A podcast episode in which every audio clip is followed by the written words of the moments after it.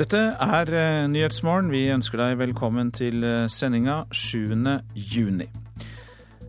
Øystein Heggen er programleder i dag, og vi har disse overskriftene nå klokka 6.30. Vindkraftbransjen fikk grønne sertifikater, bygger ikke vindmølleparker likevel.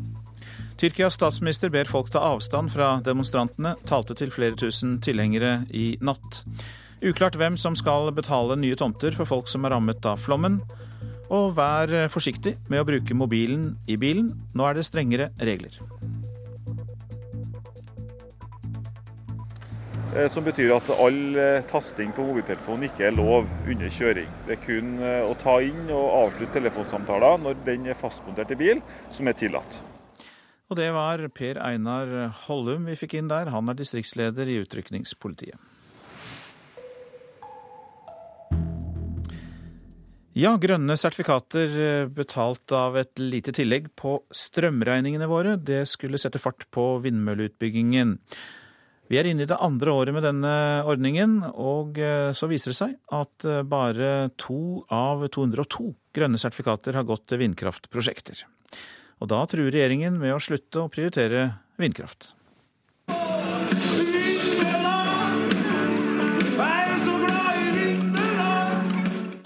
Klaus Joakim Sonstad med egenkomponert vindmøllesang under åpninga av Ytre Vikna vindkraftpark. En av svært få som det faktisk er blitt noe av. Mangelen på støtteordninger, grønne sertifikater og treg saksbehandling var i mange år det som vindkraftbransjen sa var grunnen til at de ikke kunne bygge i Norge. Nå har de fått grønne sertifikater og raskere saksbehandling, men det skjer fortsatt lite. Vi mener at vi har imøtekommet eh, hele eh, fornybarbransjen, både på vann og på, på vin. De har fått det de har bedt om. Sier vassdrags- og energidirektør Per Sannerud. De har fått en ordning som eh, skal gi god sikkerhet for, eh, for lønnsomhet. Eh, og sånn sett så, så, håper vi og tror vi også at det blir prosjekter ut av det. Mens vannkraft- og småkraftprosjekter som får konsesjon stort sett blir noe av, er det relativt mange vindkraftprosjekt som aldri blir realisert, som det offentlige må bruke ressurser på. Sannerud i NVE ber vindkraftaktørene om å la være å søke hvis de ikke har tenkt å bygge. Vi er selvfølgelig ikke glad for å, å bruke ressurser på noe, noe som det ikke blir noe av. Av de 25 vindkraftanleggene som nå har rettskraftig konsesjon eller tillatelse til å sette i gang, er bare ett under bygging. Vi trenger mange konsesjoner for å få fram noen få gode prosjekter, svarer administrerende direktør i vindkraftbransjens forening, Norvea, Øyvind Isaksen. Vi er heldige i Norge. Vi har de beste vindressursene i Europa. Og vi kommer til å bygge veldig fine parker her. Men det tar tid fordi man skal kapitalisere opp disse parkene. Og det er ikke alltid slik at de som har fått konsesjon, alene har sjanse til å bygge det ut, men det da må finansieres opp. Men i Olje- og energidepartementet begynner de å bli utålmodige. Statssekretær Ane Hansdatter Kismul sier det er grenser for hvor lenge de vil prioritere vindkraft når det ikke bygges noe. Men det er rett og slett opp til selskapene som sitter på konsesjonene i dag, å gripe den muligheten som ligger der nå. Og Vi ønsker og håper at selskapene ser at det er nå de har et tidsvindu. Støtteordninga gjelder frem til 2020, og hvis de skal få penger gjennom den ordninga, så må de være tilkobla nettet før den tid. Reporter, det var Linda Reinholdsen. Generalsekretær i Naturvernforbundet, Maren Esmark, god morgen til deg. God morgen, god morgen. Ja, Hva syns du om disse nyhetene om eh, sertifikater til vindkraft? Nei, det er ikke så overraskende. Det vi nå ser er jo en uh, subsidieordning som raserer norsk natur. Hvis... Hvorfor det? Hvorfor det? Jo, for det, det, man bygger ut er jo vannkraft. Så vi opplever jo mange, mange hundre søknader på vannkraftutbygginger rundt om i Norges land. Og det er mye norsk natur som nå går tapt. Eh, etter at man innførte en ordning som ikke virker helt etter hensikten. Hvordan burde ordningen vært etter Naturvernforbundets mening? Nei, Vi ønsket jo at denne ordningen ikke skulle gjelde vannkraft i det hele tatt. For det som skjer, er jo at uh, prosjekter som ikke er lønnsomme, likevel blir bygd ut pga. denne subsidieordningen. Likevel så fører det også til mer fornybar energi. Vannkraft, fornybar kraft. Ja, og dette var jo ment som et klimatiltak. Fordi den fornybare energien skulle erstatte fossil. Det ser vi ikke. Vi ser ikke at regjeringens klimapolitikk virker, og klimautslippene øker både globalt og Vi ser ikke de kuttene vi hadde håpet på i Europa. Men hvis vi får flere vannkraftverk, som vi tross alt får, da, eh, så går det vel ikke an å si at eh, det ikke virker? Man får jo mer fornybar energi gjennom at det bygges ut vannkraft, tross alt? Jo, men denne ordningen eh, går nå veldig på bekostning av norsk natur. Du kan ta f.eks. en art som fossekallen, Norges nasjonalfugl, kåret av NRK tror jeg i sin tid. Som er en art som er helt avhengig av vassdragsnatur, og som risikerer å lide ganske sterkt under denne voldsomme utbyggingen. Men så har vi da dette med vindmøller, for eh, det er jo kanskje overraskende for mange at eh, det er så lite vindkraftutbygging, selv om de har fått de grønne sertifikatene de ba om. Altså bare to prosjekter, og likevel så er det da gitt 202 sertifikater. Hva syns du om det?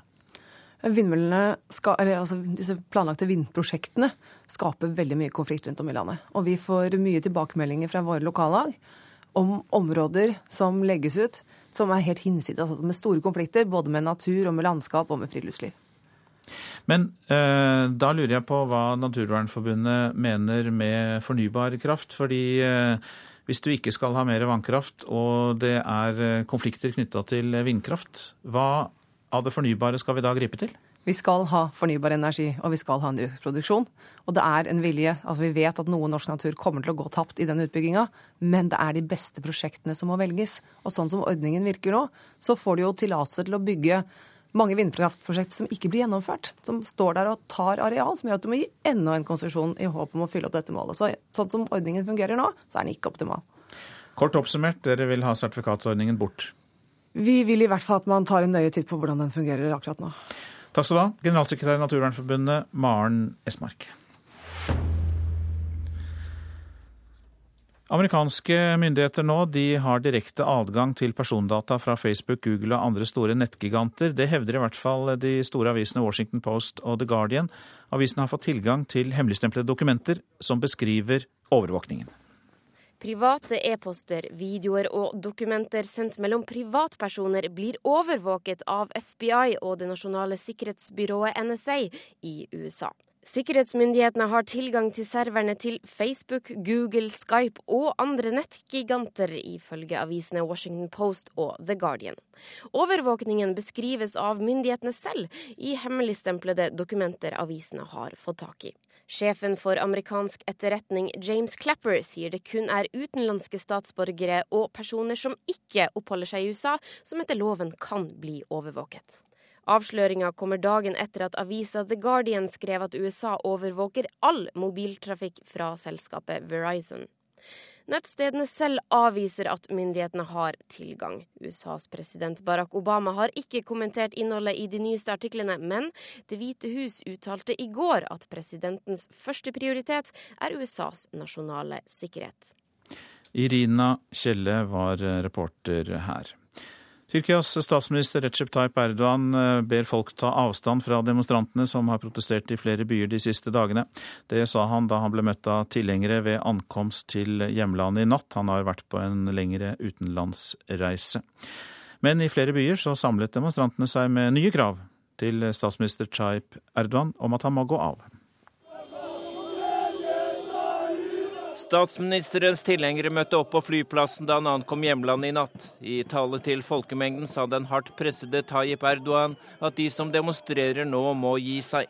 Inne i Ankara og i flere andre byer var det samtidig demonstrasjoner mot statsministeren.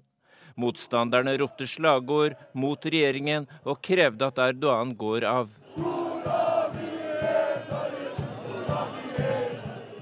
Mange av de som i en uke nå har protestert, savner en statsminister som taler til hele folket, ikke bare til halvparten. Det sier denne aktivisten i sentrum av Ankara. Erdogan forsøker å komme demonstrantene noe i møte. Han sier at påstanden om at politiet har brukt hardhendte metoder, skal etterforskes. Demonstrantene leverte i går flere krav de vil ha innfridd før de avblåser sine aksjoner. Et av dem er at 3000 arresterte aktivister skal settes fri.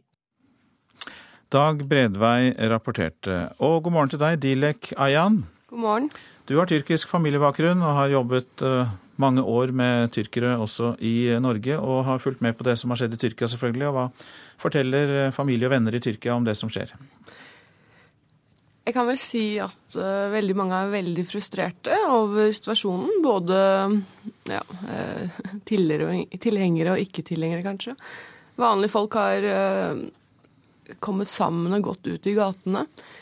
De forteller meg at de ønsker at uh, også folk her oppe skal vite at det stort sett er fredelige demonstrasjoner, selv om uh, de bildene vi ser er av de som skaper hærverk.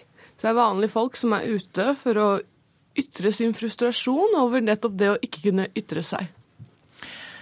Hvordan reagerer folk på uttalelsene fra Erdogan da, om at han står fast på at det skal bygges i denne omstridte Gezi-parken i Istanbul? Du hører jo hva de sier. Eh, han eh, bidrar jo ikke akkurat til å eh, roe ned stemningen som er i Tyrkia. Jeg tror han må reflektere over den frustrasjonen som er ute i gatene, og da hjelper det ikke å bare gjenta det han har sagt. Han må sette seg ned og lytte til folk. Etter at eh, Erdogans parti kom til makten for drøyt ti år siden, så har de jo fått til eh, mye også. Altså, det har vært eh, stabilt i Tyrkia, det har vært god økonomi. Men hva er det med denne mannen som nå provoserer så mange mennesker, personen Erdogan? Han har en litt sånn autoritær stil. Folk er nok litt redde for å kunne uttrykke seg. Det gjelder jo alt fra Det gjenspeiler seg jo i hvordan både akademikere og journalister ytrer seg i det offentlige. Noe jeg syns er veldig bekymringsfullt. Du ser det jo også i forhold til hvordan mediene har håndtert denne saken. De første dagene så var det jo nesten ikke dekning i de større mediene, og det er jo utrolig skremmende. Så jeg tror uh, Tyrkia som uh, samfunn ikke godtar det. Det er et demokratisk samfunn uh, som er vant til å ha de frihetene de har der nede, og er vant til å kunne ytre seg. Og det, og det, å gå ut og demonstrere slik vi ser, er, er ikke liksom, det er vanlig i Tyrkia. Å kunne samle seg om å ytre rundt saker de ikke er enig i i forhold til den politikken som til enhver tid føres. Og, og, og jeg føler fortsatt at uh, skal du være en statsminister i Tyrkia, så må du evne å snakke til hele befolkningen. Du må evne å vise til at du lytter også til såkalte minoriteter, eller de som er, har andre standpunkter enn deg selv om du ikke nødvendigvis trenger å være enig i den politikken som de ønsker å fremme. Demonstrantene er jo en veldig blandet eh, gruppe og eh, sammensatt. Klarer de å holde sammen? Ja, eh, selv om det er også innad blant eller de som står ute i gatene er litt frustrasjon over hverandre, så tror jeg mange står sammen om akkurat denne saken. Og det er et uttrykk av nettopp den frustrasjonen av å ikke kunne få lov til å kjempe for noe de selv står for. Eh, Eidogan trenger ikke være enig i det eh, demonstrantene sier, men han må faktisk anerkjenne at det er deres rett å kunne ytre seg. Og så burde han vært langt mer kritisk enn det han ser ut til å være i forhold til hvordan politiet har håndtert denne saken. Hjertelig takk for at du kom for å orientere oss og opplyse oss om dette, Dilek Ayhan.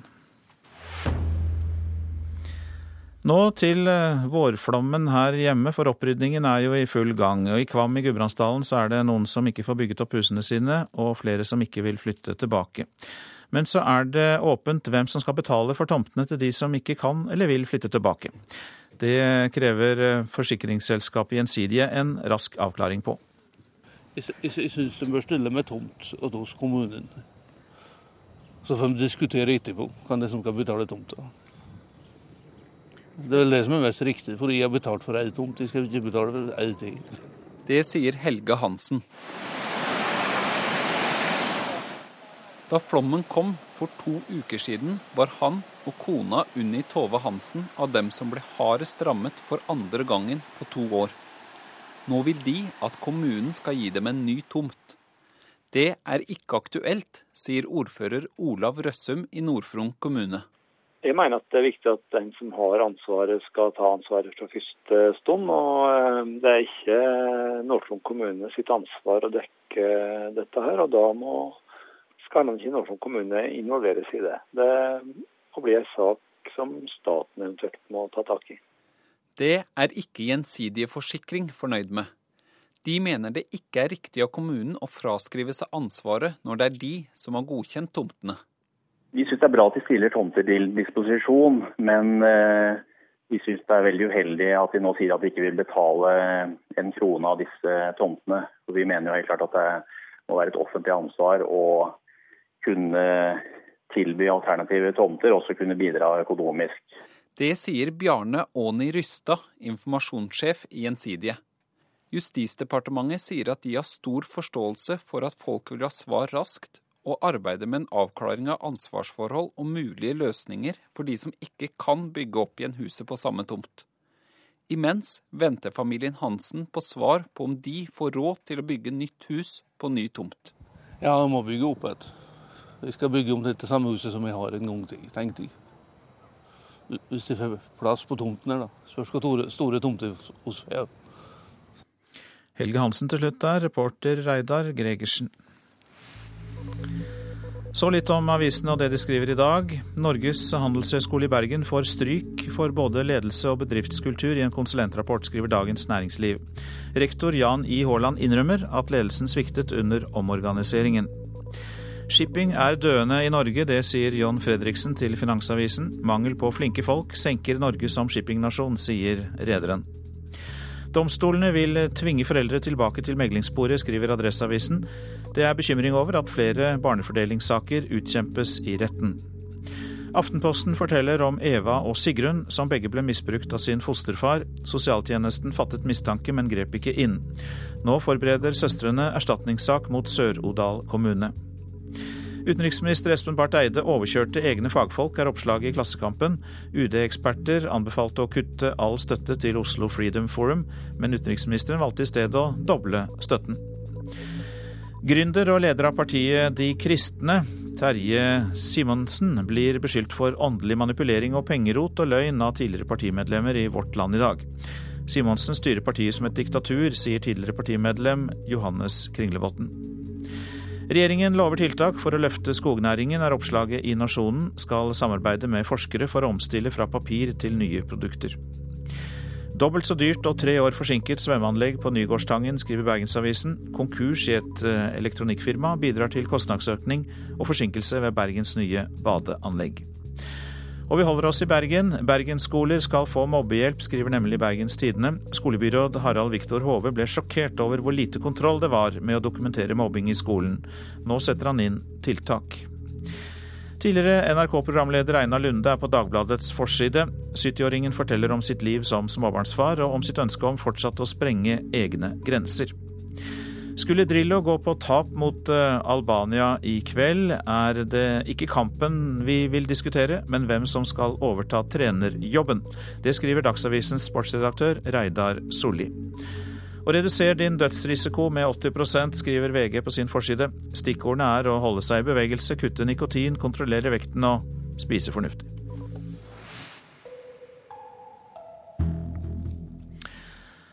Og vi skal ha mer om eh, landskampen, for det albanske landslaget spiller for mer enn bare en VM-billett når eh, laget møter eh, Norge i kveld. Det mener Arian Gashi, norsk landslagsspiller med kosovo-albanske røtter. Albanerne spiller for å gi en hel nasjon grunn til å tro på landets framtid.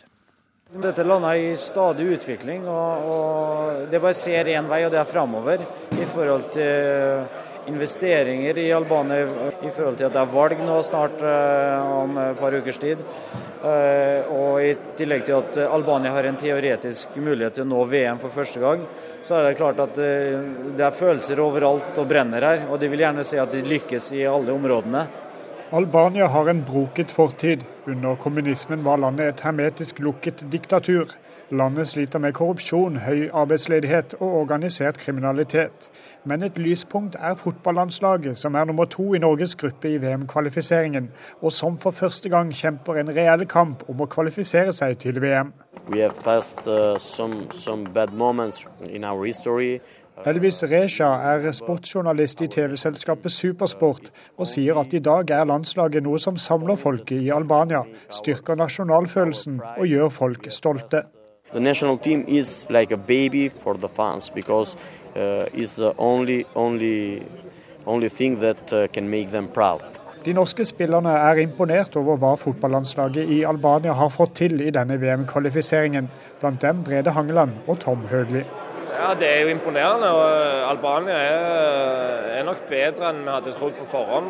Nei da, det, det, er et godt lag. De, de er jo eh, noen og 30, 39 på Fifa-ranking, så det er jo ikke noe dårlig lag. Reporter Geir Elle og eh, Albania Norge kan du høre direkte på eh, NRK P1 i kveld klokka 20.30.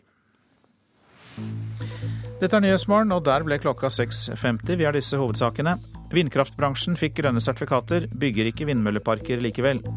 Tyrkias statsminister ber folk ta avstand fra demonstrantene, talte til flere tusen tilhengere i natt. Uklart hvem som skal betale nye tomter for folk som er rammet av flommen.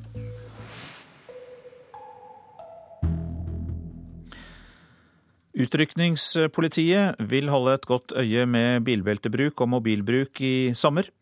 Vår reporter i Trondheim kan kunne fortelle at eh, ti bilister ble tatt for å bryte mobilforbudet bare i løpet av en time. Ja, kan du stanse en sort Ford Mondea som kommer i rundkjøringa nå? Ja. Vi er med UP på kontroll ved Sluppen i Trondheim. Astrid Len Vannemo sjekker førerkortet til én av bilistene som er stoppa.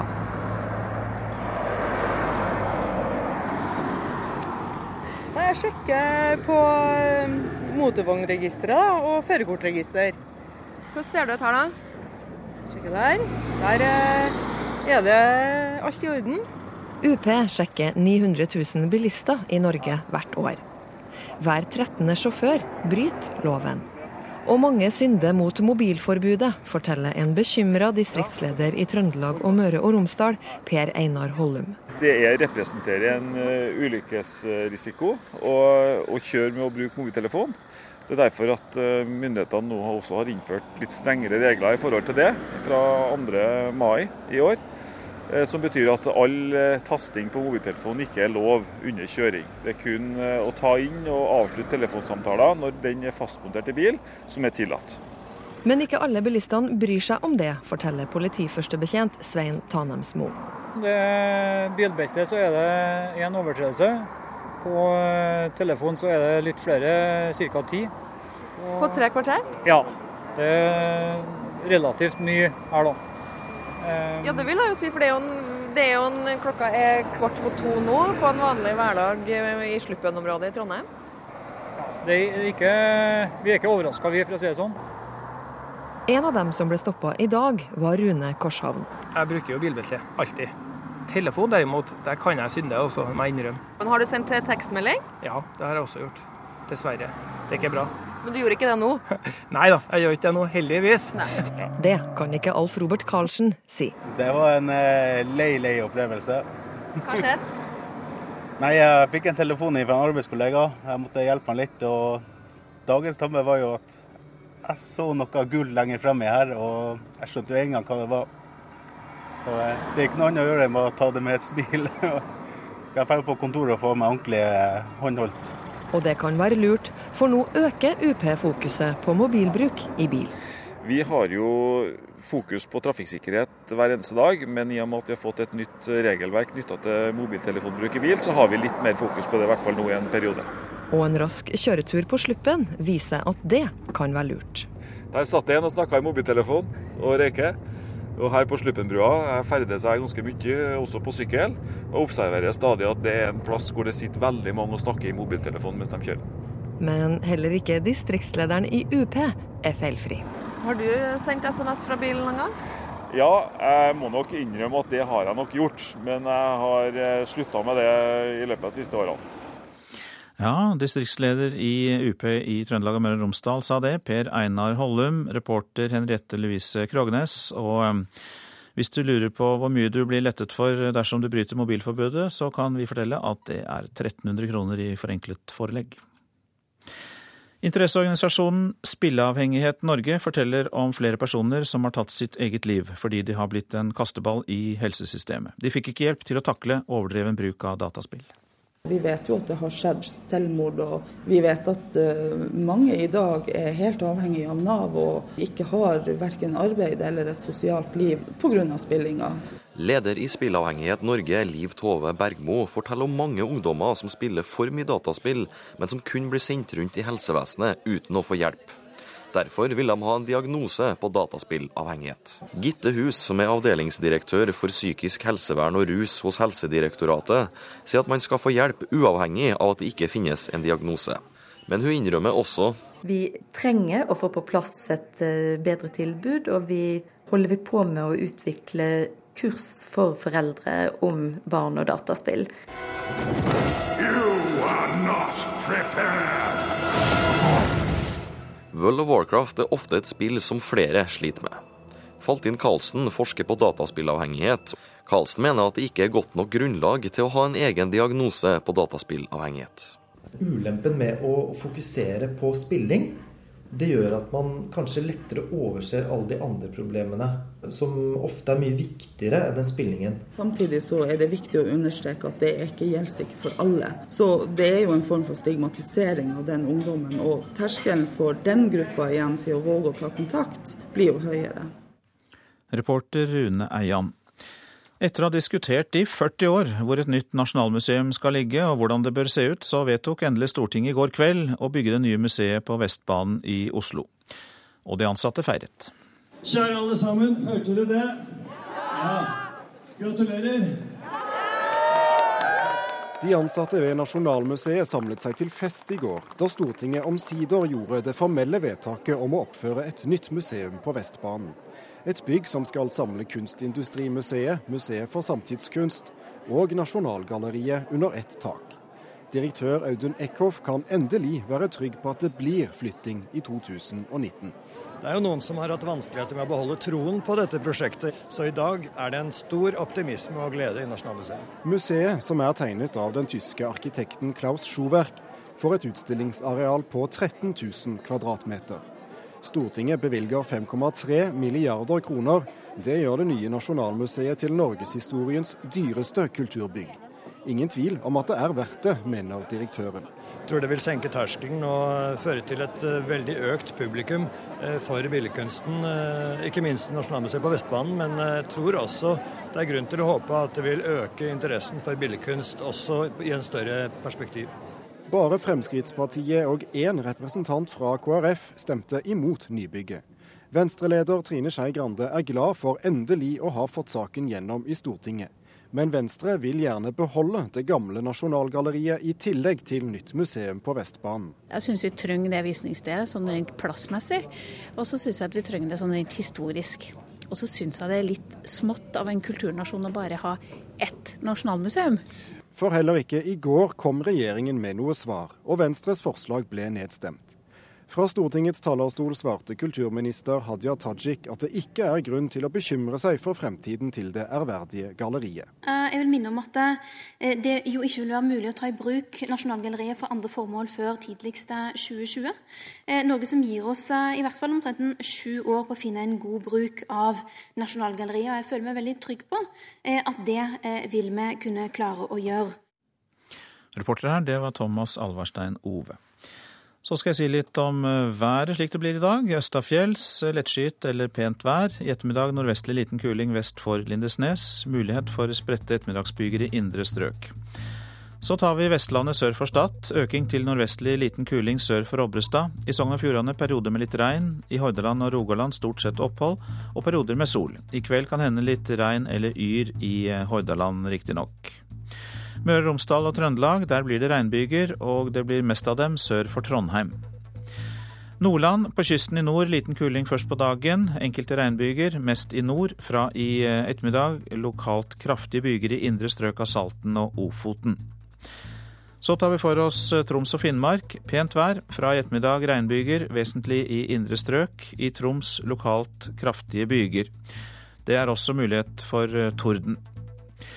Nordensjøland på Spitsbergen, der blir det oppholdsvær, kort og godt. Vi tar for oss temperaturene. De ble målt klokka fem i natt. Svalbard lufthavn pluss tre, Kirkenes tolv, Varde ti.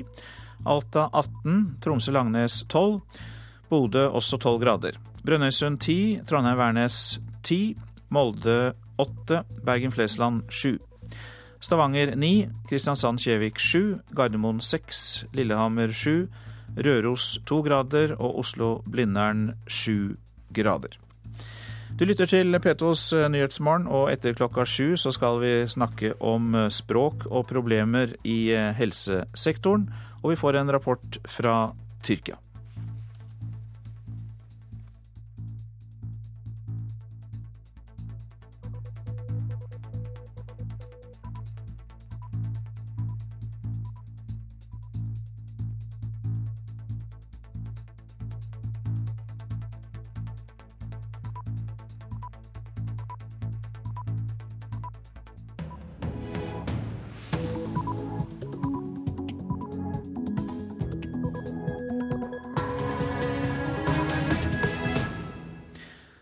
Til P2s Nyhetsmorgen nå fredag 7. juni. Her i studio, Øystein Heggen. Dette er en nyhetsoppdatering. Liv og helse kan stå i fare pga. språkproblemer, mener pårørende det å kunne forstå både språklig hva som blir sagt, men også å forstå referansene.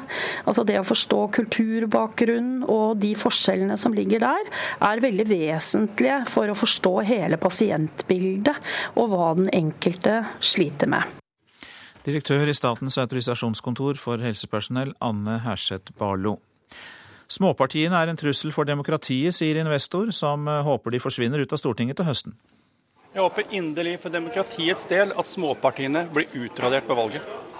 At småpartiene med 3-4-5% på meningsmålinger kan sitte av så mange ministre og påvirke norsk politikk ut fra særinteresser, har dessverre ødelagt mye for vanlige nordmenn. Øystein Stray Spetalen, investor. Vindkraftbransjen fikk grønne sertifikater, bygger ikke vindmølleparker likevel. Demonstrantene i Tyrkia kommer ikke til å gi seg uansett hva myndighetene sier. Eh, det var mange som sa at eh, vi må bare stå på og få Erdogan til å lytte til oss. Eh, noen mente at han må gå av. Sissel Wold rapporterte, og vi hører mer fra henne om en stund. Og så, pass på, følg med, for sommeren er høysesong for ord delingsfeil. Nyhetsmorgen. Liv og helse kan stå i fare pga. språkproblemer, mener pårørende. I Norge er det ingen krav om norskkunnskaper for europeisk helsepersonell. Synnøve Christensen, som, som, er pårørende, opplevde problemet med manglende språkkrav. Hun har sittet gråtende, ingen forstår meg, eller at de har stått og ropt over hodet på henne. Christensen snakker om mor si, som er 82 år og har vært pleietrengende på sykehjem i tre år. Flere ganger har hun opplevd at mora har havnet i ubehagelige situasjoner fordi helsepersonellet ikke snakker godt nok norsk. Hun hadde spurt om å få komme på toalettet, og hun satt i to timer og ropte. Og hun fikk bare eh, ropt tilbake. Altså, De skjønte hverandre ikke. For helsepersonell som kommer fra EØS-land, er det ingen krav om norskkunnskaper for å få autorisasjon som helsepersonell. Direktør i Helsetilsynet Jan Fredrik Andresen sier dette er vanskelig å gjøre noe med. Det handler vel om at eh, arbeidsmarkedet er felles i EØS, og at det da blir eh, krevende og vanskelig å stille nasjonale særkrav når det gjelder språkferdigheter. Andresen sier dette er et kjent problem som spesielt rammer enkelte grupper. Det kan være særlig krevende i kommunehelsetjenesten, og særlig knyttet til behandling og oppfølging av eldre, hvor eldre kanskje har problemer med å gi uttrykk eh, for hva de ønsker og hva de har behov for på bakgrunn av sykdom.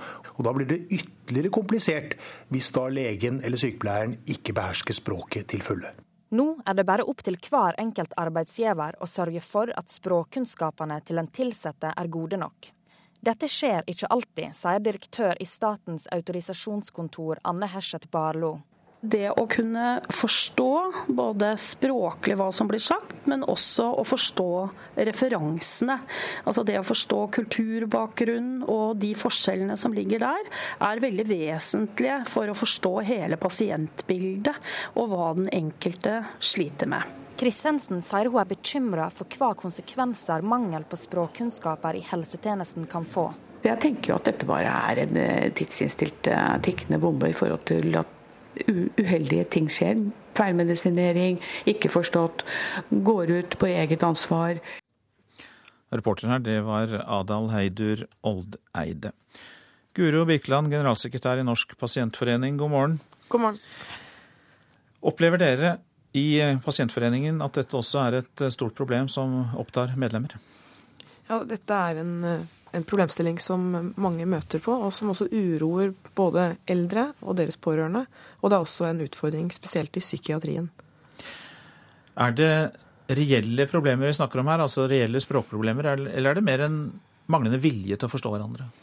Altså Nå er det med kommunikasjon så grunnleggende for å få god og riktig behandling, og for å oppleve at man blir forstått, at jeg vil ikke si at dette går på vilje. Det går rett og slett på Det viser hvor viktig språket er i den medisinske og, pleiemessige behandlingen av mennesker.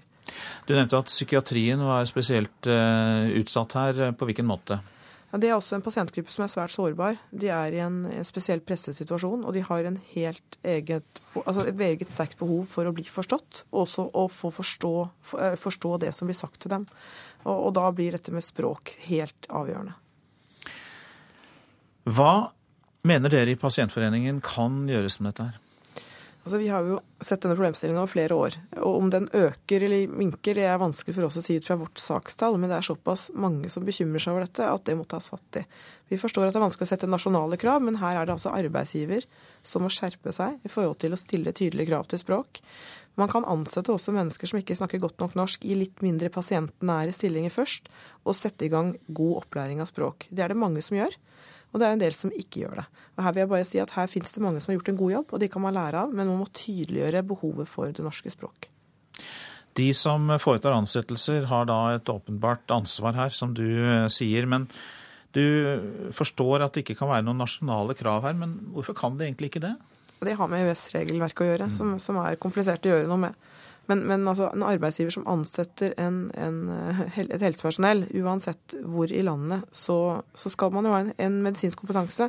Men språk, språkkompetansen er så viktig at det må også være en del av vilkårene man vurderer. Så ansvaret ligger på den lokale arbeidsgiver, den lokale kommune, det lokale sykehus? Mm, det gjør det. Slik som regelverket er i dag, så er det der det ligger. Hvor setter dere i Pasientforeningen inn støtet for å, for å si fra? Bortsett fra at dere sitter her og sier det, selvfølgelig. Hva, hva jobber dere med til daglig for virkelig å få arbeidsgiverne til å forstå dette? Det, altså det som vi alltid har med oss ut når vi er ute og snakker, både rundt i landet og i media, eh, det er hvor viktig kommunikasjonen er. Og prøve å tydeliggjøre hvor grunnleggende det er for å oppleve god behandling. Eh, og vi opplever hver gang vi er ute og snakker om det som vi ofte kaller lytt til pasienten, at det er noe som alle kjenner igjen, og som også gjør at både ordførere og, og andre i kommunen nikker og sier at dette er et problem. Så er det en del kommuner som sliter med å få ansatt eh, gode folk. Eh, og da blir det kanskje lettere for de å fire på språkkravet. Men da, og jeg tenker ja, hvis de gjør det, så må de i hvert fall sørge for god opplæring og ansette de i en mindre pasientnær stilling først. Det er en god modell som mange bruker, og det syns jeg er en vei å gå. Ta det inn gradvis. Ja, jeg tenker det. Takk skal du ha, Guro Birkeland, som altså er generalsekretær i Norsk pasientforening.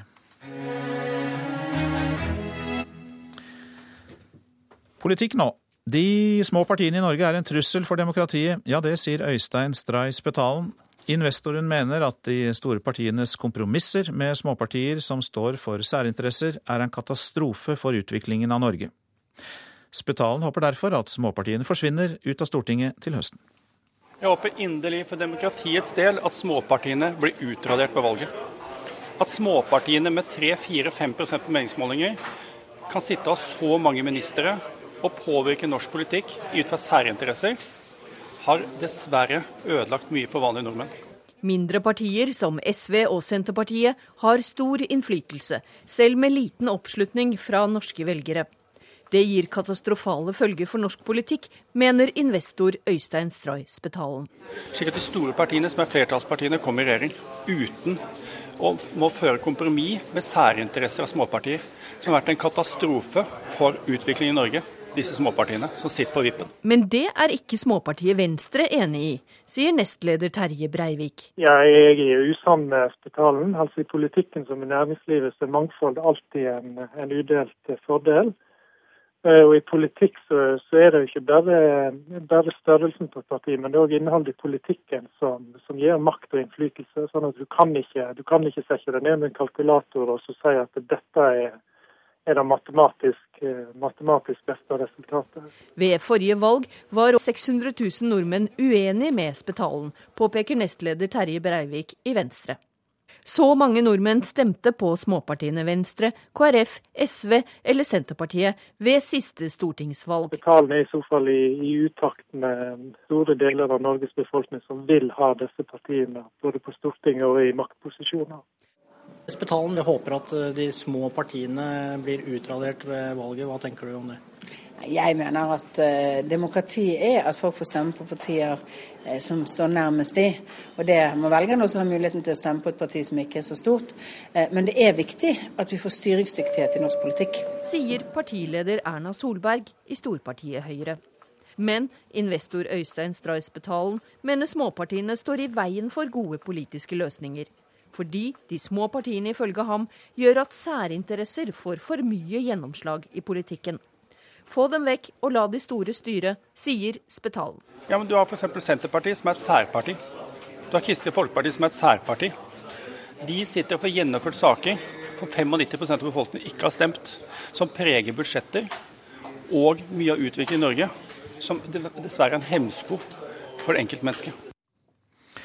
Og reportere her, det var Hedvig Bjørgum og David Krekling.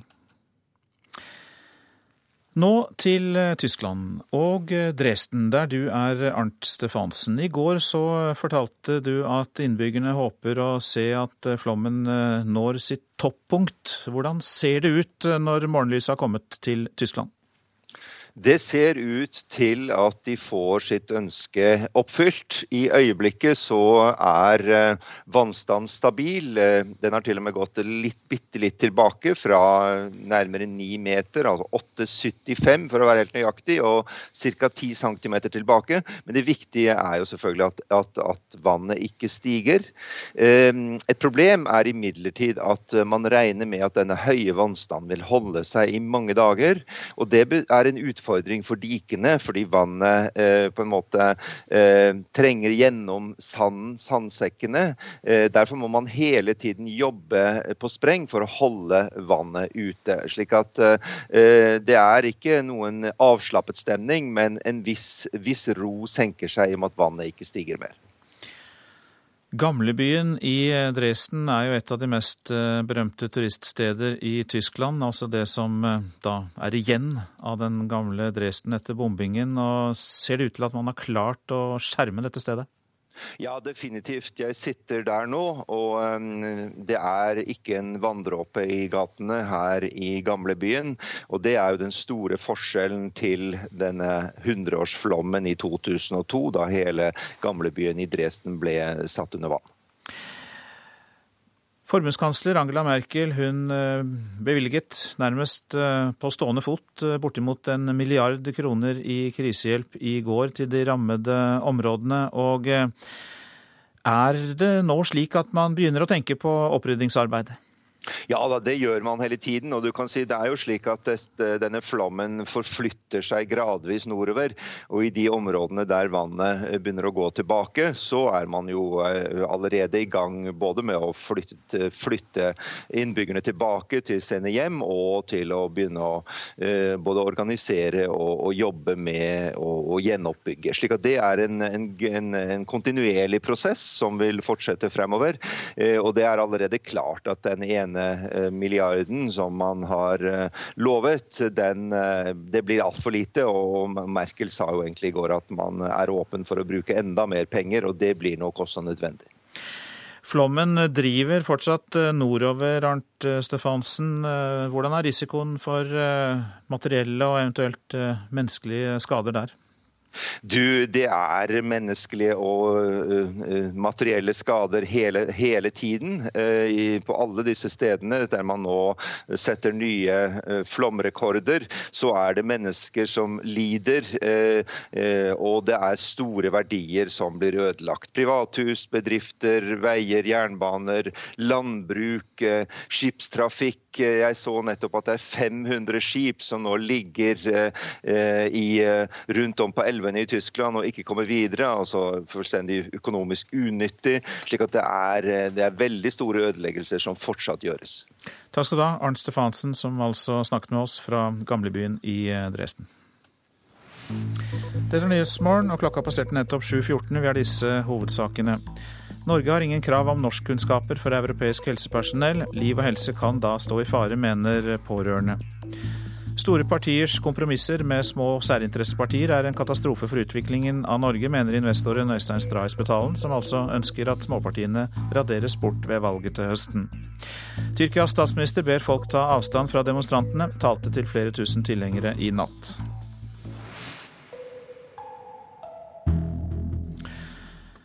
Men eh, trass i at Recep Tayyip Erdogan eh, gjorde det jeg nettopp eh, nevnte, talte til sine tilhengere, så var det også tusenvis av mennesker som var samlet på Taksim-plassen i Istanbul i går, der protestene fortsatte.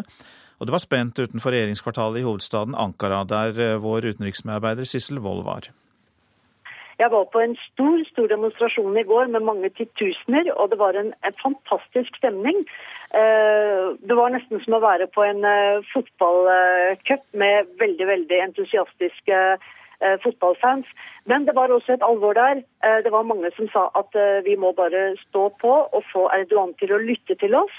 Eh, noen mente at han må gå av, andre mente at det er veldig lite realistisk. Men her i Ankara så er jo politiet mye mye mer til stede. Det er helikopter i lufta nesten hele tiden.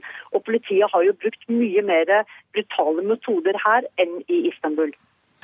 Tyrkias statsminister Recep Tayyip Erdogan eh, kom jo hjem i går fra sin reise til eh, Nord-Afrika. Og eh, han holdt vel fast ved utbyggingen av denne omstridte Gezi-parken i Istanbul, som demonstrantene ønsker å beholde? Ja, han gjorde det. Og for han er dette kanskje et uh, bygningsprosjekt. Men for uh, demonstrantene så er jo dette et symbol på at de vil at han skal lytte til dem. Uh, så de neste dagene blir jo veldig spennende her, for denne situasjonen må få en slags løsning eller utløsning. Erdogan sa at demonstrantene må gå hjem nå. De må slutte med disse ulovlige demonstrasjonene. Uh, han har også sagt at uh, påstanden om at politiet har brukt uh, for hardhendte metoder mot demonstrantene, skal undersøkes. Og Så spørs det hvordan definerer man for hardhendte. Men dette er jo et lite skritt for å komme demonstrantene i møte. Denne utbyggingen av parken har jo blitt en symbolsak, eh, som du sier, og som har eh, samlet eh, store deler av opposisjonen mot Erdogan. Så hvor lenge tror du at denne samordnede protesten kommer til å vare? Jeg tror den kommer til å vare fordi at veldig mange av demonstrantene er veldig oppildnet. Virkelig. Eh, og det er veldig mye ressurssterke folk. og I går for eksempel, så var det jo folk i alle aldre.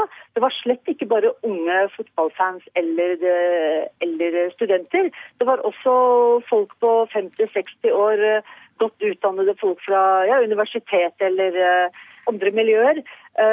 De sier også at, uh, at, vi har mistet frykten nå. Vi er ikke redde for Erdogan, sånn som vi var bare for en uke siden.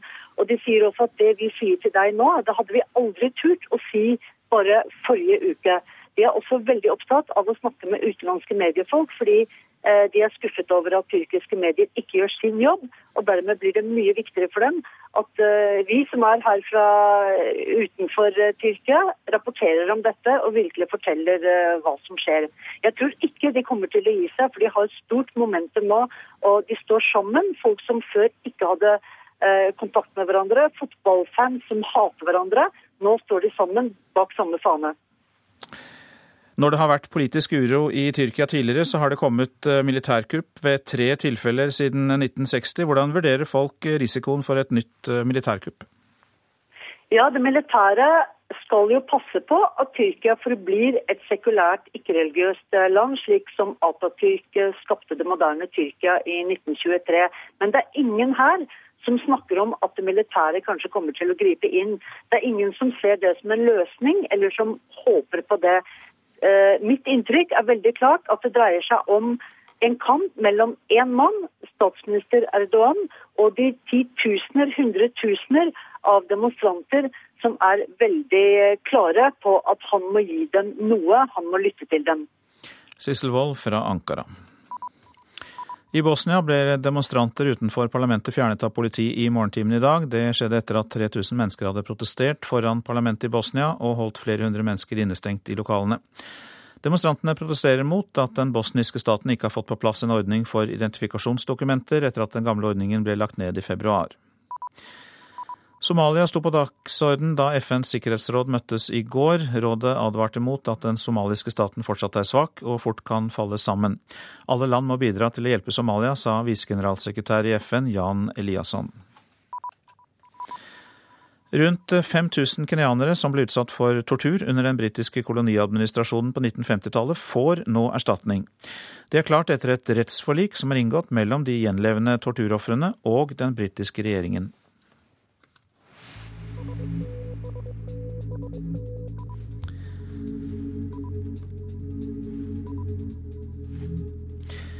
Da får vi nok straks denne saken fra Kenya, hvis vi venter lite grann. Det var altså snakk om The British government recognizes that Kenyans were subject to torture and other forms of ill treatment at the hands of the colonial administration. The British government sincerely regrets that these abuses took place. Mer enn 60 år etter at overgrepene fant sted. I Underhuset i London i går innrømmet og beklaget utenriksminister William Hague at tusenvis av kenyanere var blitt torturert og mishandlet etter at de gjorde opprør mot den britiske koloniadministrasjonen på 50-tallet. Nå skal de gjenlevende ofrene for det som skjedde, få erstatning. Samtidig, fortalte utenriksministeren, skal Storbritannia bekoste et minnesmerke i Nairobi over alle som ble drept, såret, torturert, holdt i fangeleire og drevet fra landsbyene sine under det såkalte Mao Mao-opprøret fra 1952 til 1960. Et opprør som ble slått ned, men som ble opptakten til Kenyas frigjøring og uavhengighet tre år senere. Kolonistyret brukte mange former for tortur i kampen mot opprørerne, forteller den respekterte kenyanske advokaten og politikeren Paul Moite, som har vært rådgiver for Mao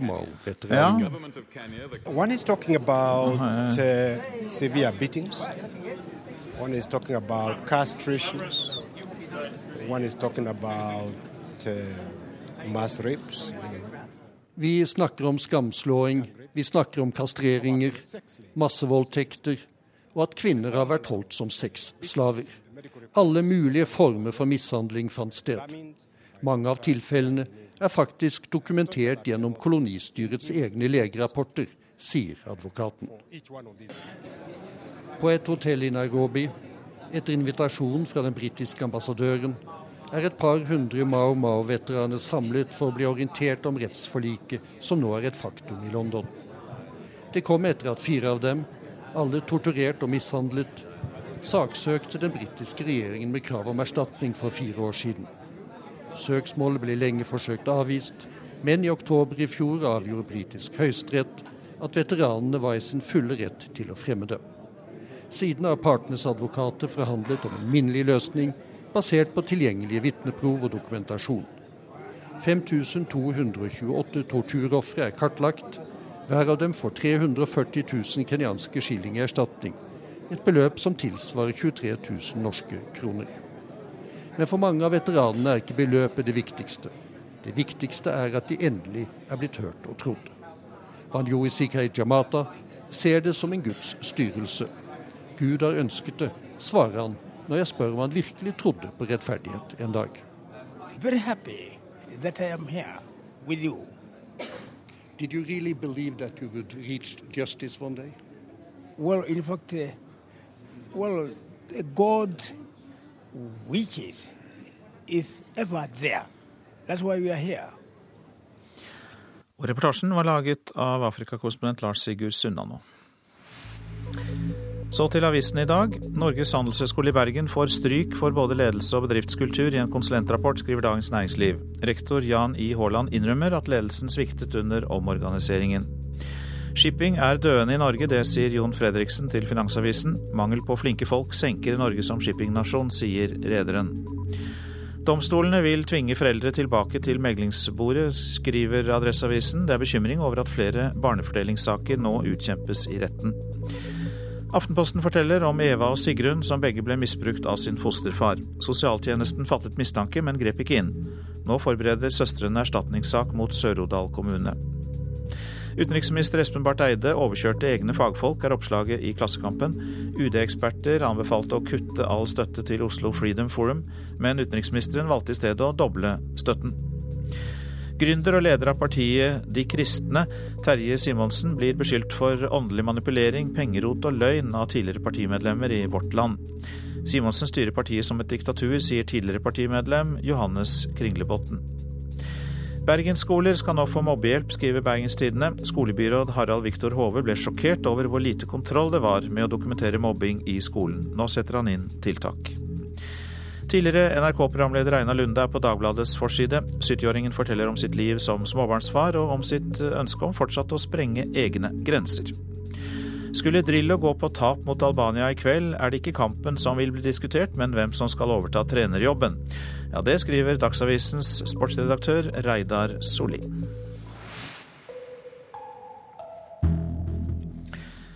Lammelår eller lammelår? Mange får seg en god latter av orddelingsfeil, eller særskriving som det heter på fagspråket. Nå om sommeren så er det høysesong for skrivefeil, flere reklameskilt står gatelangs og ikke alle er plettfrie. Så vår reporter tok med seg en språkprofessor til Stavanger sentrum for å lete etter orddelingsfeil. Hvis vi ser opp her, opp på de vinduene i andre etasje her, rett over Dalafnovet, så står det står 'Fri sør'. Ja, nettopp. Ja. ja. ja det er godt det ikke står 'fri syre'. Da, da hadde det vært eh, kanskje litt mer tvilsomt. Inge Særheim ler godt, men er også litt fortvila. Til daglig er han professor i nordisk språk ved Universitetet i Stavanger. Men i dag er han på jakt etter orddelingsfeil i Stavanger sentrum. Domkirke og så plassen. Og Domkirkeplassen er skrevet i to forskjellige ord. Det, det skal være i ett ord. Vi står i Skagen, mellom Deli de Luca og 7-Eleven. På ti meter har vi funnet fem orddelingsfeil. Jeg var ute litt tidligere enn Særheim i dag og tok en ekstra kikk i sentrum. På en halvtime kom jeg over 20 orddelingsfeil, og professoren tror det er flere grunner til at vi deler ordene. Det er jo lett å si at det er engelsk påvirkning, og det, og det er klart engelsk kan jo virke inn her. Det, for der eh, er det sånn at en eh, i større grad særskriver legitimasjons på én linje, og så står det plikt på neste linje, og ingen bindestrek. Men, men det er nok ikke sikkert at engelsk påvirkning er hele forklaringa. Ja, her står det, står det, næringsmegling i to ord. Det skal skrives i ett ord. Ofte er det lange ord. I, i en tekst f.eks. så er det ofte lange ord som blir lange sammensette ord som blir særskrevne. Og Da har det nok noe med lengden å gjøre. For det er nemlig i reklamebransjen vi finner flest orddelingsfeil. Og det er med god grunn, forteller Særheim. Det er jo tydelig I reklamebransjen så ser en det ofte. Men en kan forstå eh, butikkeierne òg, at de, eh, de, vil bli eh, lagt merke til. Og de, de velger gjerne et skilt som har en viss kunstnerisk utforming. Og så står det som da egentlig er et sammensatt ord, det, det blir skrevet i to ord på, på hver sine linjer. Årets førsteklassesekker. Ser du noe feil? Ja, det var orddeling, da. Årets første klasse sekker. En av de bedre jeg har sett, var et skilt i Bergen hvor de eh, solgte surkål istedenfor surkål. Butikken som selger årets første klasse sekker, er veskebutikken Leo Aanonsen. Første klasse sekker, ja. Skal ikke det være ett ord? Det er jeg ikke sikker på. Hun russiske venninnen min, hun uh hun uh, var med i tvil. Skal jeg ha ett eller to ord? Jeg tar de to, sa jeg. Ja. Butikkeier Anne Lise Torbjørnsen har jobbet i veskebutikken i 44 år. Hun innrømmer at det er viktigere å fange blikket til folk som går forbi, enn å passe på at ordene skrives rett. Jeg skal si Den negative delen, så tenker jeg ikke på rettskriving. Jeg tenker på for kundene. Ja. De må være 100 sikre at de forstår meg. Ja, det, det jeg. det. Ja. Og det blir førsteklassesekker er et veldig langt ord, så det er ikke så lett å få det på, Voldsomt på langt. Men det, men det, viktigste det er å fange, fange kundens oppmerksomhet? Det, absolutt. Men at de forstår hva jeg vil frem til. Ja, ja, ja. Det er ikke sånn at når du er ute og har sommerferie, at de ødelegger sommerferien og bare har lyst til å gå inn. Du, du, du skriver det feil. Nei, jeg, jeg kan, når det er sommerferie, da tar jeg òg ferie, så jeg La, Lar, lar du orddelinga passere? Ja da. så det, eller I sommerferie så liker jeg å holde meg enten oppe i fjellet eller med stranden. Så. Langt unna reklameskilt og orddelingsfeil, rett og slett? Ja, det kan du godt si. Ja. Reporter i Stavanger var Håvard Tanke Larsen Knutsen. Du lytter til Nyhetsmorgen. Doping i amerikansk baseball er tema for reportasjen etter Dagsnytt. Næringsmeldingen er et av temaene for Politisk kvarter kvart på åtte. Prosent for Nyhetsmorgen Arild Svalbjørg, her i studio Øystein Heggen. Og så vil vi gjerne fortelle om NRKs nye internettside, radio.nrk.no. Der kan du lytte til radio direkte, men også spole deg tre timer tilbake. F.eks. kan du lytte til denne sendingen fra den startet klokka halv sju.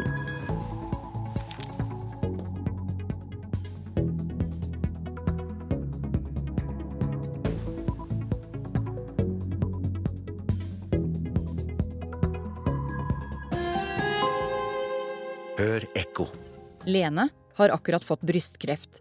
Mange mener hun bør være sin egen lykkes med.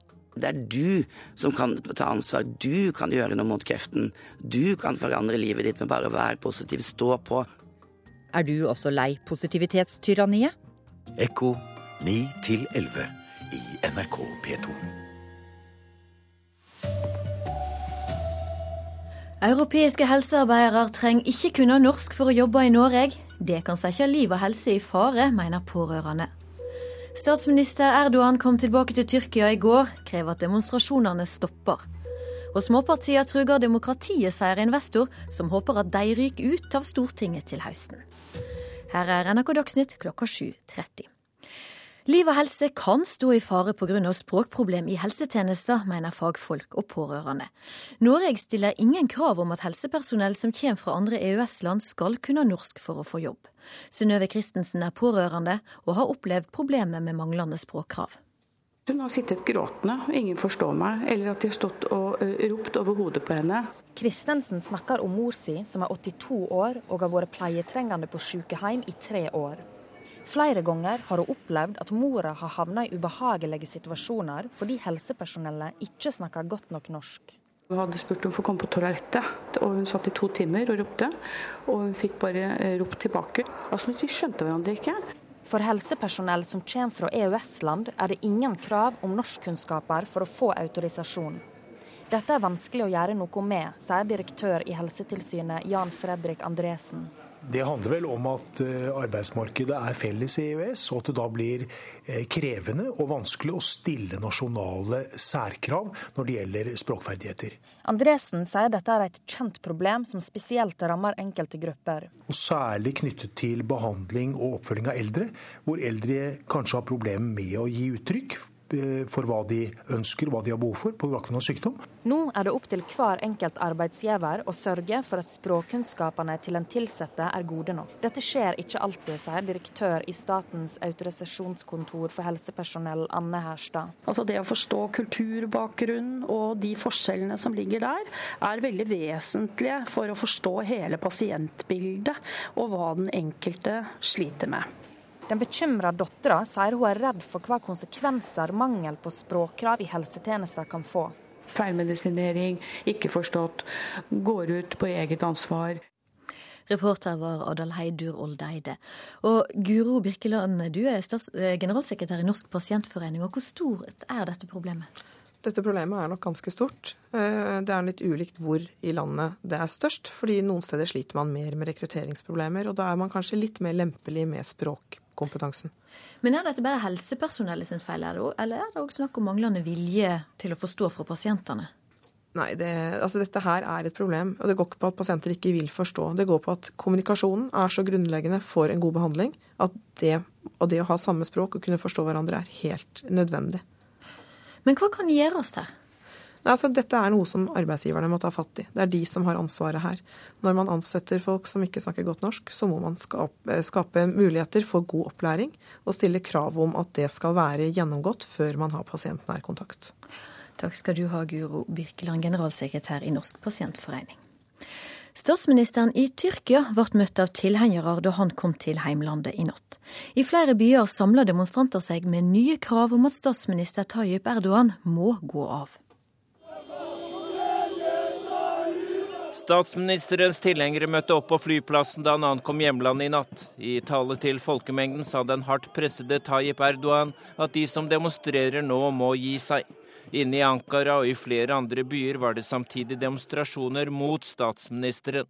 Motstanderne ropte slagord mot regjeringen og krevde at Erdogan går av. Mange av de som i en uke nå har protestert, savner en statsminister som taler til hele folket, ikke bare til halvparten. Det sier denne aktivisten i sentrum av Ankara. Erdogan forsøker å komme demonstrantene noe i møte. Han sier at påstanden om at politiet har brukt hardhendte metoder, skal etterforskes. Demonstrantene leverte i går flere krav de vil ha innfridd før de avblåser sine aksjoner. Et av dem er at 3000 arresterte aktivister skal settes fri sa utenriksreporter Dag Bredvei. Vannstanden i Dresden i Tyskland har gått noen centimeter tilbake i natt. Men vannet i den flaumråka tyske byen kommer til å stå høyt i mange dager framover. Det forteller Arnt Stefansen. Og Det er en utfordring for dikene, fordi vannet trenger gjennom sandsekkene. Eh, derfor må man hele tiden jobbe på spreng for å holde vannet ute. Det blir knapt bygd vindmøller her til lands, og det trass i at vi alle betaler ekstra mye for strømmen for å sponse miljøvennlig kraft. To år etter at regjeringa innførte grønne sertifikat, så har ordninga bare vært med på å sponse to vindkraftprosjekt, mens 200 vasskraftprosjekt har fått støtte.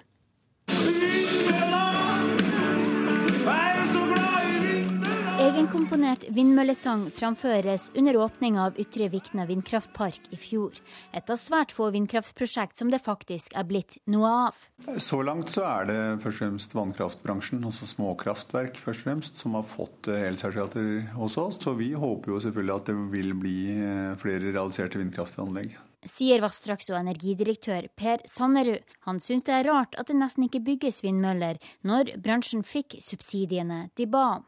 At ordninga nesten bare brukes til vannkraft, viser at den ikke fungerer som den skal, mener Naturvernforbundets generalsekretær Maren Esmark. Det vi nå ser er jo en uh, subsidieordning som raserer norsk natur. For det, det man bygger ut er jo vannkraft. Vindkraftbransjen erkjenner at de grønne sertifikatene så langt ikke førte til den medvind de håpte på.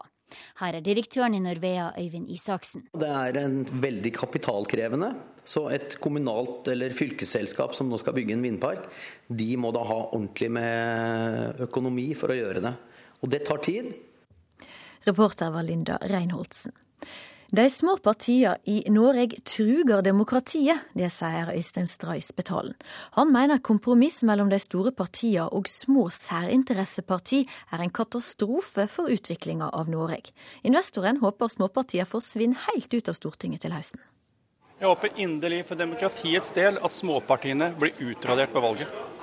At småpartiene med 3-4-5 på meningsmålinger kan sitte ha så mange ministre å påvirke norsk politikk ut fra særinteresser, har dessverre ødelagt mye for vanlige nordmenn. Mindre partier som SV og Senterpartiet har stor innflytelse, selv med liten oppslutning fra norske velgere. Det gir katastrofale følger for norsk politikk, mener investor Øystein Stray Spetalen. Slik at de store partiene, som er flertallspartiene, kommer i regjering uten å må føre kompromiss med særinteresser av småpartier, som har vært en katastrofe for utviklingen i Norge disse småpartiene som sitter på vippen. Men det er ikke småpartiet Venstre enig i, sier nestleder Terje Breivik. Spetalen er jo like meningsberettiget som alle andre. Jeg er, jeg er usamd med Spetalen. I, I, politikk som i næringslivet så er mangfold eh, alltid, alltid en udelt fordel. Jeg mener at eh, demokrati er at folk får stemme på partier eh, som står nærmest de. Og det må velgerne også ha muligheten til å stemme på et parti som ikke er så stort. Uh, men det er viktig at vi får styringsdyktighet i norsk politikk sa Høyre-leder Erna Solberg. Reportere Hedvig Bjørgum og David Krekling. PST har snakka med 200 personer de har fått inn bekymringsmeldinger på etter 22.07. Det skriver VG. Politiet sier at de i slike situasjoner prøver å finne ut om personer en som bare kommer med trusler, eller om vedkommende har kapasitet til å utføre terrorhandlinger. I de fleste tilfeller viser det seg at personen trenger hjelp, sier PST til avisa. Målvakt Rune Almenning Jarstein er en av få på fotballandslaget som håper heimepublikummet i Albania går av hengslene på tribunene i kveld. For det er venta at det blir ei heksegryte på stadion under den viktige VM-kvalifiseringskampen i Tirana, og det er gull verdt for en av de viktigste spillerne våre. Jeg syns det er kjekt når jeg ser på tribunen, for det, det girer meg litt ekstra opp. Spilte bort mot Sveits, og det var bra trøkk på tribunen da. Kanskje litt annerledes trøkk der enn en blir i Albania, men eh, jeg syns det er kjekt. Det er ventet fullt hus på Kemal Stafa stadion i Tirana i kveld. Det vil si 25 000 elleville albanere som øyner håp om en VM-billett. Midt i blinken får keeper Jarstein. Jeg blir nok mer gira og fokusert. Det tror jeg. Og når han sier det sjøl, så, så, så, tror jeg på det. Han, han, har jo hatt sine beste kamper når det har vært eh, bra trøkk og, og, mye støy rundt. Sier keepertrener på landslaget Frode Grodås. Det er ventet at Albania vil gå offensivt til verks i kampen. Grodås er sikker på at Jarstein er rett mann til å takle det presset. Han eh, var fantastisk i Sveits, og kanskje litt av det samme type Altså det kan bli litt av det samme. Det er kjekt med litt, litt press, og det, sånn det skal være foran sånne kamper. Reporter var Geir Elle. Og kampen mellom Albania og Norge den kan du høre direkte her i NRK P1 i kveld klokka 20.30. Ansvarlig for denne sendinga har vært Anne Skårseth. Teknisk ansvarlig heter Lars Tronsmoen, og i studio Ragnhild Bjørge.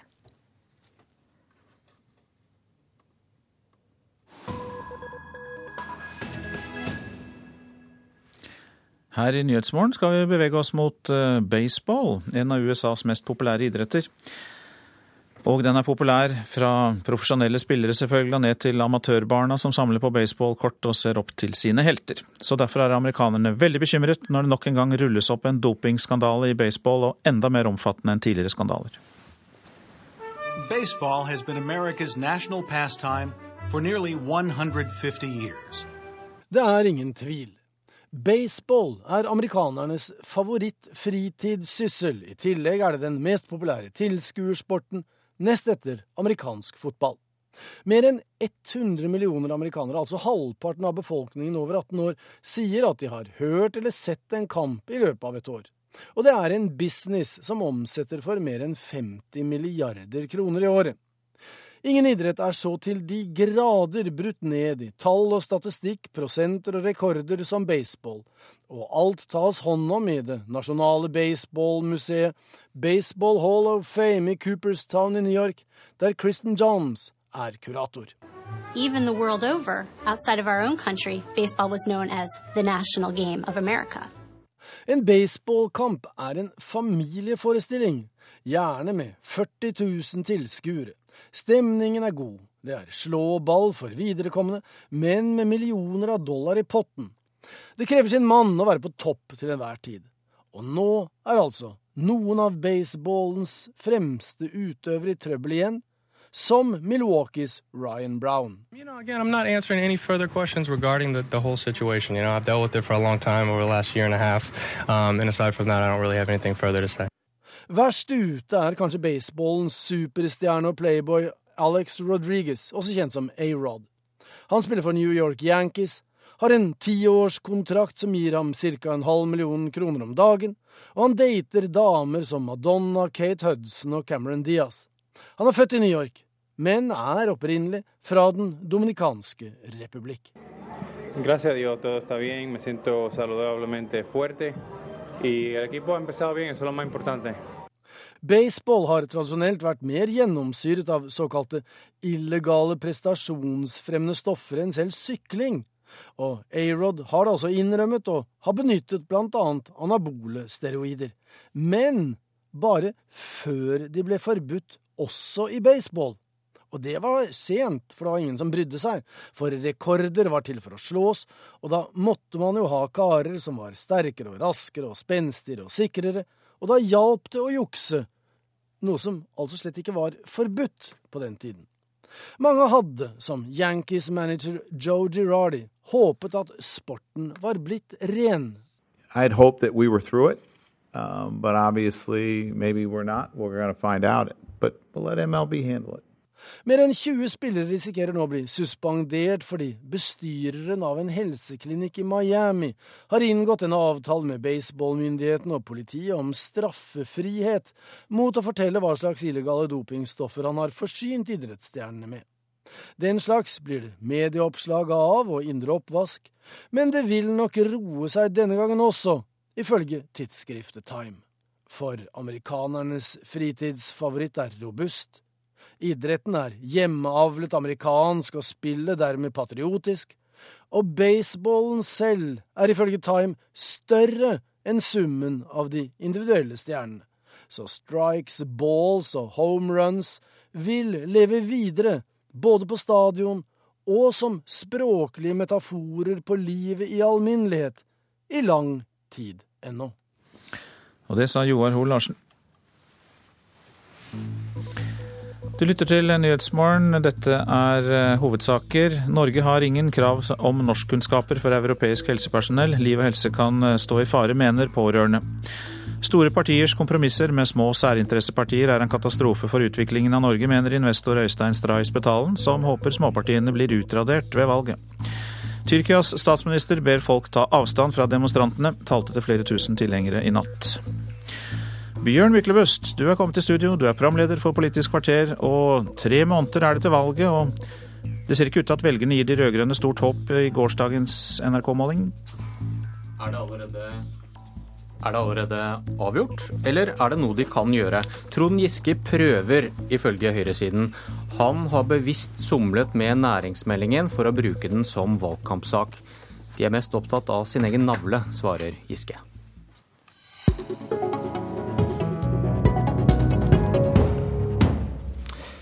I dag kommer regjeringens næringsmelding. Den hever blikket mot hva vi skal leve av i årene som kommer. Mens du sitter og stirrer på din egen navle, næringstalsmann i Fremskrittspartiet Harald Tom Nesvik. Hvorfor reagerer du på tidspunktet? Nei, altså Fremskrittspartiet har bl.a. I, i flere år etterlyst både en industrimelding og en strategi eh, som Stortinget kan få lov til å behandle eh, for åra som kommer. Eh, til å begynne med så avviste statsråden dette kategorisk. Så har han endra innstilling, det er veldig bra. Eh, så kommer man med ei eh, næringslivsmelding, altså ei breiere og ei brei næringslivsmelding, som er varsla i dag. Problemstillinga er bare det at denne kommer nå så seint at dette Stortinget ikke får anledning til å diskutere. Og da får vi heller ikke anledning Eh, i denne omgangen til å komme med tiltak som nettopp skal bedre situasjonen for norsk næringsliv. Fordi at vi har nå fått et todelt næringsliv. Man har venta for lenge med tiltakene. Og Trond Giske sjøl eh, sørger jo nå for at disse tingene kommer så seint at det kommer etter revidert. Eh, revidert, Der har man lagt inn det som har med skogindustrien og tiltak overfor den, men det er en rekke annen industri som virkelig sliter. Men hva har dette med valgkampen å gjøre? Det har med valgkampen å gjøre, fordi at når du fremmer en sånn stortingsmelding rett før at eh, Stortinget går fra hverandre, at det ikke blir noe debatt rundt det eh, i Stortinget, som er det høyeste folkevalgte organet i Norge, Eh, så har man sørga for at rett og slett at eh, dette blir et rent valgkampdokument, eh, og ikke ei, reell melding. For hvis du får et skifte til høsten, som det nå ligger an til, forhåpentligvis, vel så vil en slik melding også bli tråkket tilbake. Næringsminister Trond Giske, timingen er jo veldig fin da, i forhold til valget? Ja, det er ingenting som er bedre enn at uh, næringspolitikk, uh, strategier for å sørge for at vi har arbeid til alle og fortsatt vekst i Norge med snart 27 millioner arbeidsløse ute i Europa, at det blir en valgkampsak. Det burde alle partier sørge for. I hvert fall skal Arbeiderpartiet ha Eh, fortsatt som mål og valgkampsak at vi skal ha Europas laveste arbeidsløshet. Men påstanden Men det, er at du bevisst har somlet med dette? her? Nei, eh, vi varsla meldinga jeg tror det var i eh, mars-april. Nå leverer vi den i juni. Det må være eh, historisk raskt å levere fram ei melding. Og det er jo også sånn at det er jo ikke en eneste ting som hindrer Fremskrittspartiet å foreslå hva som helst i revidert, sjøl om de ikke har fått regjeringa, den rød-grønne regjeringas næringsmelding på bordet. Tvert imot så sier jo nå Frp at de skal, hvis de vinner valget og det blir en Høyre-Frp-regjering, trekke den meldinga før han har sett hva som står i den.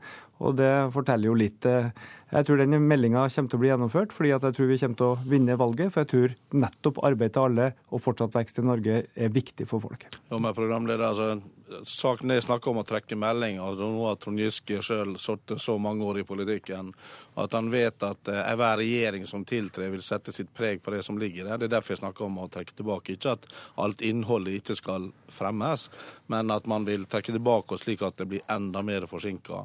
Jeg kunne virkelig tenkt meg nemlig at disse tingene kommer til forkant. Når statsråden sier at han varsla i mars Nei, altså Dette er jo noe som statsråden også har snakka om tidligere. Han har fått flere spørsmål fra undertegnede bl.a.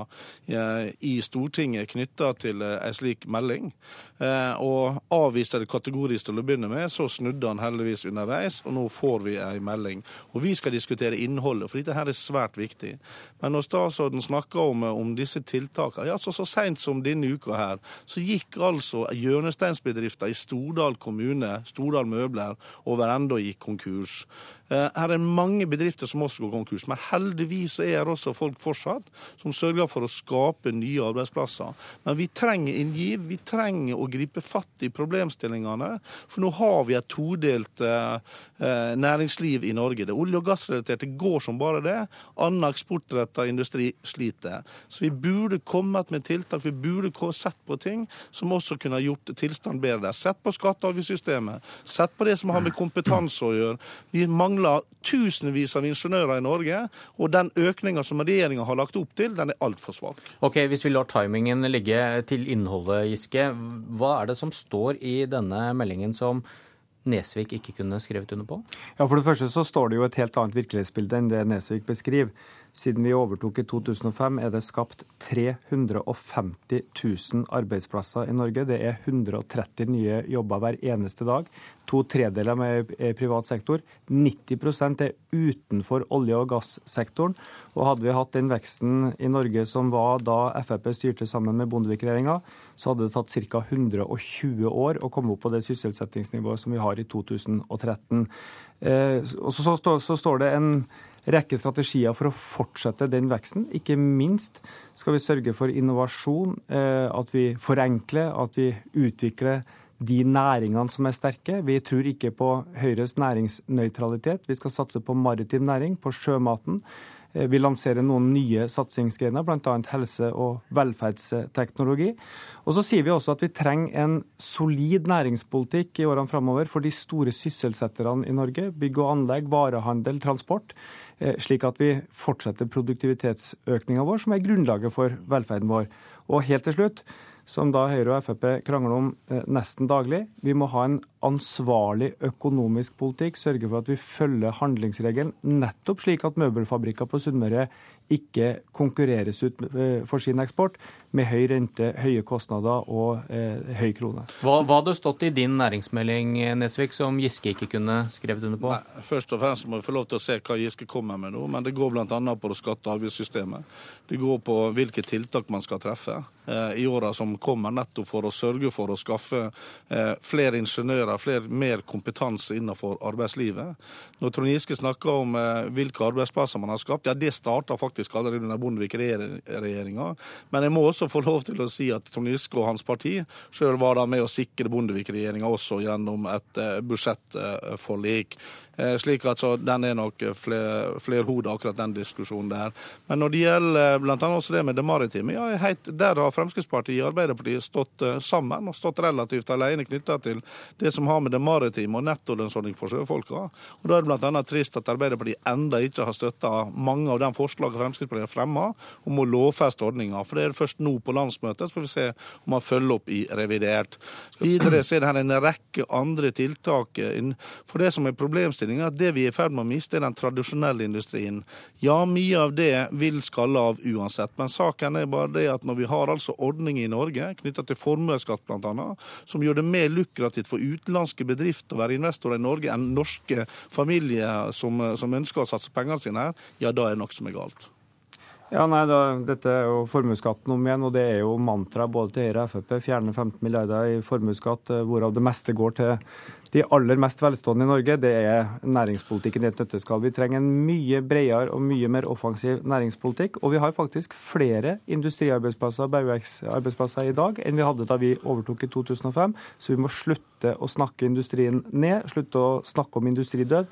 Faktisk er Norge fortsatt et industriland i vekst. Kanskje denne meldingen dukker opp i valgkampen de neste tre månedene. Giske, velgerne er fremdeles ganske nådeløse i målingene. Kan en normal valgkamp snu dette til rød-grønn seier?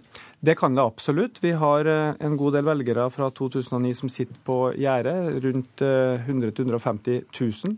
Hvis vi eh, forteller dem at eh, hvis man skal ha skole, eldreomsorg og helse istedenfor store skattekutt, så må man gå og stemme på valgdagen, så har vi mulighet til å få samme resultat som i 2009. Og hvis våre juniorpartnere også da eh, gjør et godt valg, så er det fortsatt fullt mulig med rød-grønn seier. Men det handler om mobilisering. Det handler om hvem som rett og slett møter opp 9.9. Vi skal få, ja, Nesvik, kort ja, i det. Ja, altså hvis man, eh, altså Denne regjeringa har bl.a. sørga for at vi har fått bygd opp et så stort byråkrati at du må snart ha an, egne ansatte i, i, bedriftene for å kunne fylle ut både skjema og andre ting. Når statsråden snakker om forenkling, ja, bortsett, bortsett fra revisjon og det med eh, lavere aksjekapital som opposisjonen har fremma flere ganger, ja, så skjer det svært lite. Vi skal snakke litt mer om valget.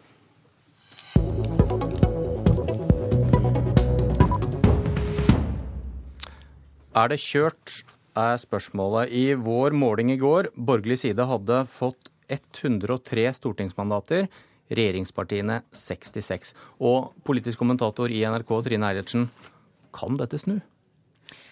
Ikke i den forstand at vi kan se for oss en ny, en tredje rød-grønn valgseier. Jeg tror det er veldig få som ser for seg, til og med innenfor eh, de rød-grønne partiene. Du hørte hva Giske sa?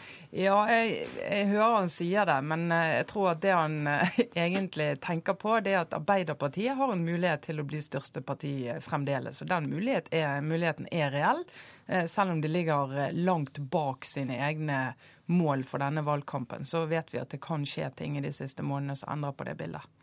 Nyhetssjef i Klassekampen, Kjell Erik Kalseth. Kan det bli en tredje rød-grønn valgseier? Ja, selvsagt kan det det. Det er, det er, jo valg. Men jeg tror at det er veldig, veldig veldig vanskelig for de rød-grønne å vinne det valget. Hva må til? Det som må til, er jo eh, for det første at Arbeiderpartiet er nødt til å mobilisere sine egne velgere, dem som har eh, støtta dem før, og som nå sitter på gjerdet. Men i tillegg til det så må de vinne tilbake velgere som har gått eh, til Høyre. Og hvis det skal skje, eh, så tror jeg kanskje at eh, det må komme noe nytt inn i valgkampen som vi ikke har sett til nå. Ikke en næringsmelding? Uh, ja, nå syns jeg vel det er positivt at velgerne får ta stilling til slike ting som en næringsmelding, men jeg tror absolutt ikke at det er nok, nei. Du sa til meg i går at du er rimelig sikker på at Arbeiderpartiet blir det største partiet? Ja, kan du utdype det litt? Ja, altså det vi, vi, kan jo se på det nivået som ligger på meningsmålingene i dag. Og så kan vi se uh, på det som er de historiske erfaringene. Og dem er at Arbeiderpartiet ved så å si alle valg går opp flere prosentpoeng. Mellom 2,5 og 5 prosentpoeng uh, har vi sett de siste ti åra. Med ett unntak. Og det unntaket var i 2001, da Jens Stoltenberg leda ei usedvanlig upopulær regjering. Den rød-grønne regjeringa er ikke like upopulær, i hvert fall ikke eh, blant eh, de rød-grønne velgerne. Og Derfor så tror jeg det er rimelig gitt at Arbeiderpartiet, når de setter i gang eh, sitt partiapparat, og når valgkampen kommer i gang for fullt, kommer til å hente flere prosentpoeng.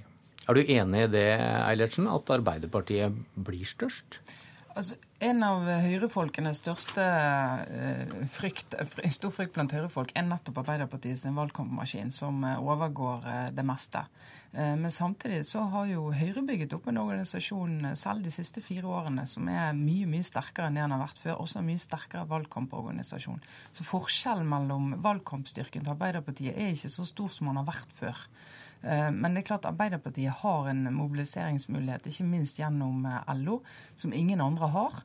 Eh, og som vi vet pleier å gi dem mye gjennom hele valgkampen. Så det er klart Arbeiderpartiet kan bli største parti, også uten at vi får de store skiftene i den politiske diskusjonen. Men også for, for at de skal få det til, så er de nødt til å overbevise en del hundre tusen velgere faktisk om at Norge vil gå i en helt annen retning hvis vi får en ny regjering. Og akkurat nå tror ikke velgerne på det. Men nå sitter kanskje noen og lurer på hvorfor skal vi bry oss hvem som blir største parti? Er det ikke hvilken side som får flertall som er viktig, Kalseth? Jo, jeg tror ikke det har så stor betydning som Men Arbeiderpartiet er veldig opptatt av dette? her? Ja, det er knytta prestisje til det. ikke sant? Arbeiderpartiet har eh, i hele etterkrigstida vært det klart største partiet i Norge. Eh, så det er knytta prestisje til det. Men det viktigste er jo hva slags eh, regjering vi får. En annen ting som er viktig med oppslutninga til Arbeiderpartiet, er jo eh, at de må se framover. Og hvis de gjør et godt valg isolert sett, sjøl om Senterpartiet og SV gjør det dårlig, så blir det mye lettere for Arbeiderpartiet å starte kampen om valget om fire år. Hva med Høyre, Eilertsen? Hva, hva tenker de nå? I forhold til eh, dette her? Høyre har hatt eh, god erfaring. De må sitte helt i ro eh, og ikke reagere på utspill, ikke reagere på angrep, og bare formidle sitt budskap jevnt og trutt. Og på den måten heller ikke få opp temperaturen i valgkampen noe særlig. Vel vitende om at for Arbeiderpartiet er det veldig viktig at den temperaturen blir høy, at forskjellene blir veldig markante. Eh, så Høyre de trenger egentlig ikke gjøre så veldig mye annerledes når de ser at målingene er sånn som de er nå. De er veldig stabile. Forbausende få endringer, egentlig. Vi har en vår bak oss der vi har hatt flere saker som kunne ha flyttet velgere. Eh, diskusjonen om Høyres formuesskatt, selskapsskatten, eh, diskusjonen om eh, hvor Norge skal gå. Og statsministeren har skrudd opp temperaturen, men vi har ikke sett de endringene. Takk Trine Eilertsen og Kjell Erik Kalseth fra Klassekampen. Politisk kvarter er slutt, og jeg heter Bjørn Myklebust.